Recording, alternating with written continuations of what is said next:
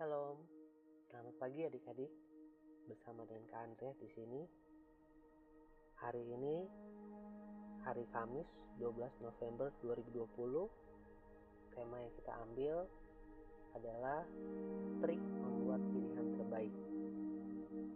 Ayat firman Tuhan sebagai dasar diambil dari Roma 12 ayat 1 sampai 2. Karena itu saudara-saudara, demi kemurahan Allah, aku menasihatkan kamu supaya kamu mempersembahkan tubuhmu sebagai persembahan yang hidup, yang kudus, dan yang berkenan kepada Allah.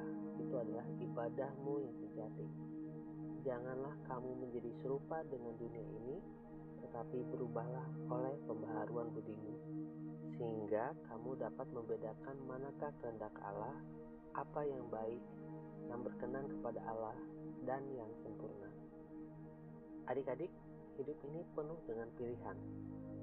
Sejak pagi hari kita diperhadapkan dengan bangun tidur atau tarik selimut lagi. Kemudian sudah mandi, kita juga perlu pilih baju yang mana dan seterusnya. Ada cerita unik Mark Zuckerberg atau penemu Facebook yang notabene bajunya mirip semua. Ya salah satunya dia tidak mau membuang waktu untuk memilih baju.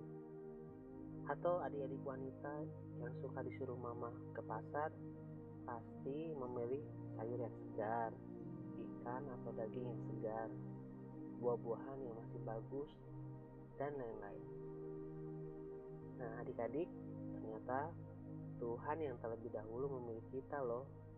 Iya, kita-kita yang mungkin dianggap sebelah mata oleh orang lain atau oleh keluarga kita sendiri untuk menjadi anak-anaknya. Yohanes 15 ayat 16 Bukan kamu yang memilih aku, tetapi akulah yang memilih kamu. Dan aku telah menetapkan kamu supaya kamu pergi dan menghasilkan buah, dan buahmu itu tetap. Supaya apa yang kamu minta kepada Bapa dalam namaku, diberikannya kepadamu.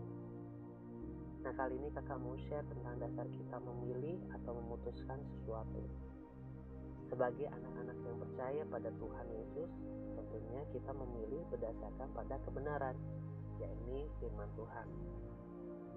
Mungkin adik-adik bertanya, Kak, kan di Alkitab tidak ada bahasan mengenai pilih jurusan kuliah misalnya. Nah, betul adik-adik.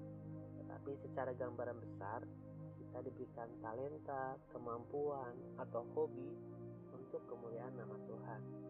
Ujung-ujungnya, nama Tuhan Yesus dimuliakan. Nah, kakak sendiri mengalami pilihan jurusan yang kebanyakan pengaruh orang tua. Zaman SMA sudah disuruh pilih IPA, kemudian kuliah pilih elektro. Awal kakak kuliah D3 di Politeknik Negeri Bandung jurusan elektro, subjurusan telekomunikasi, kakak dapat nilai jelek hampir 2 tahun karena kakak malas adik-adik. Sampai suatu hari Tuhan tolong kakak sehingga kakak sadar satu-satunya untuk mengerti pelajaran yaitu dengan fokus sekuat tenaga membaca latihan soal bukan sekedar baca dan lupa kejadian berulang sewaktu mengikuti kuliah ekstensi atau S1 kakak hampir drop out atau gagal tapi akhirnya lulus juga menyelesaikan apa yang sudah kita mulai pilihan bukan sekedar kita mau enaknya aja atau tidak mengandung resiko adik-adik.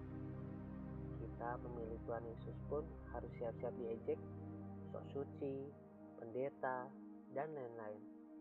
Tapi pastinya kita tidak akan menyerah. Betul adik-adik?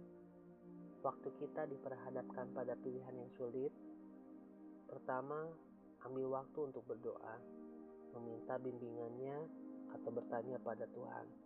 Nanti kita bisa dapat kesan dari Tuhan bisa melalui firman Tuhan, orang tua, atau teman kita. Amsal 3 ayat 5 sampai 6 Percayalah kepada Tuhan dengan segenap hatimu dan janganlah bersandar kepada pengertianmu sendiri. Akuilah dia dalam segala lakumu, maka ia akan meluruskan jalanmu.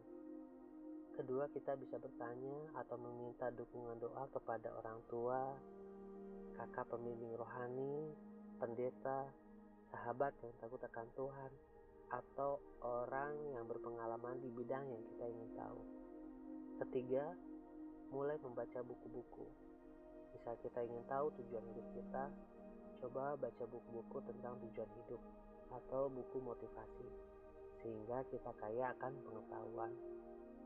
Terakhir, kita juga perlu komitmen untuk pilihan yang sudah kita buat. Terkadang tidak mudah, tapi itu namanya bertanggung jawab. Komitmen menolong kita saat perasaan naik turun atau berubah-ubah.